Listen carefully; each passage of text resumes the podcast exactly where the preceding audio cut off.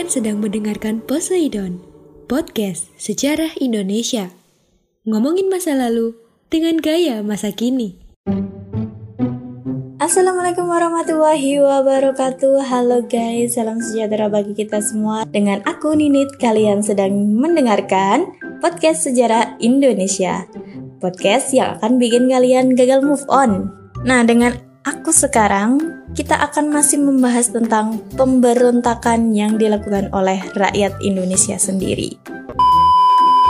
Nah, kali ini kalian masih ingat dengan KNIL? Ya, itu adalah tentara yang didirikan oleh Belanda. Angkatan militer ini ternyata juga terdapat orang-orang Indonesianya. Terlebih ketika Indonesia baru merdeka banyak warga Indonesia yang bergabung dengan KNIL.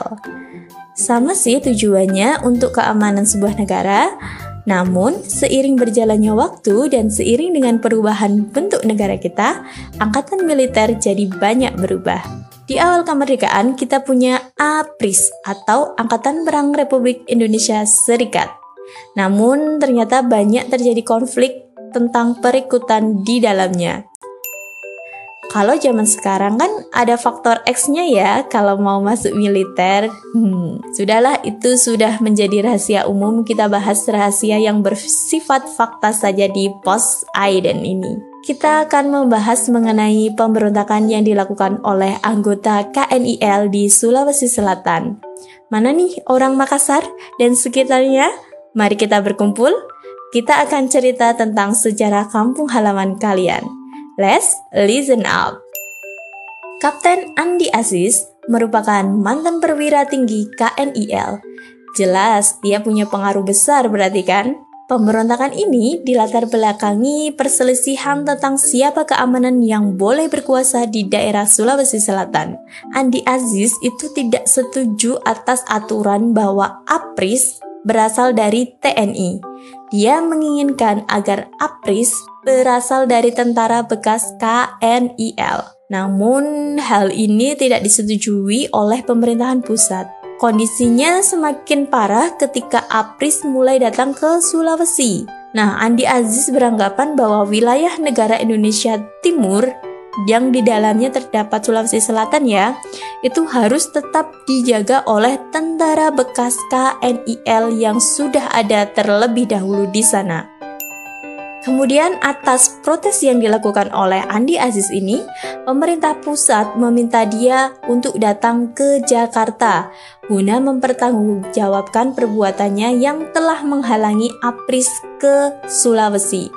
Tapi dia itu nggak mau sebenarnya datang ke Jakarta ya, karena masih mau tetap di Sulawesi Selatan.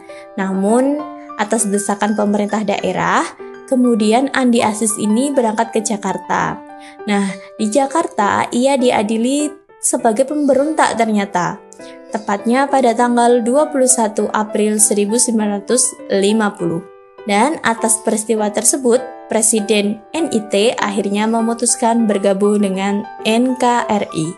Namun ternyata basis KNIL di Sulawesi Selatan itu masih ada loh. Sehingga datanglah Kolonel Kawilarang beserta pasukan APRIS. Hal ini membuat memicu pemberontakan antara APRIS dengan KNIL. Atas seringnya pemberontakan inilah diadakan perundingan antar kedua belah pihak dan disepakati bahwa wilayah kekuasaan sendiri-sendiri antara APRIS dan TNI dan APRIS tidak boleh masuk ke wilayah KNIL dan begitu pula sebaliknya. Wah, susah ya. Padahal sama-sama orang Indonesia loh dan sama-sama dari kaum militer.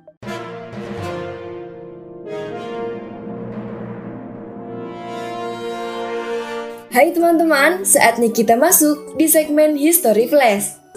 Stasiun kereta api Bandung yang dibangun 1884 ini dirancang oleh arsitek Belanda E. Deru untuk persiapan pemindahan ibu kota dari Jakarta ke Bandung. Namun, hal tersebut tidak terjadi karena pada tahun 1930-an Belanda mengalami krisis ekonomi.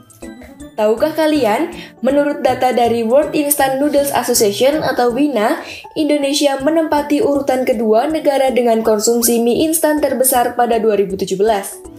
Tak heran jika kemudian Indonesia memiliki variasi mie instan yang sangat banyak.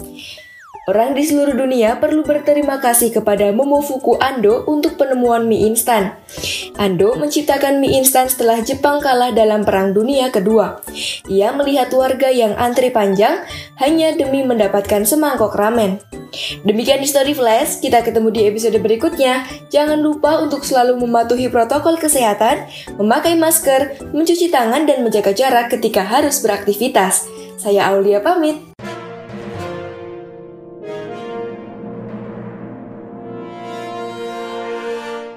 Oke, saya Ninit pamit. Bye-bye. Terima kasih.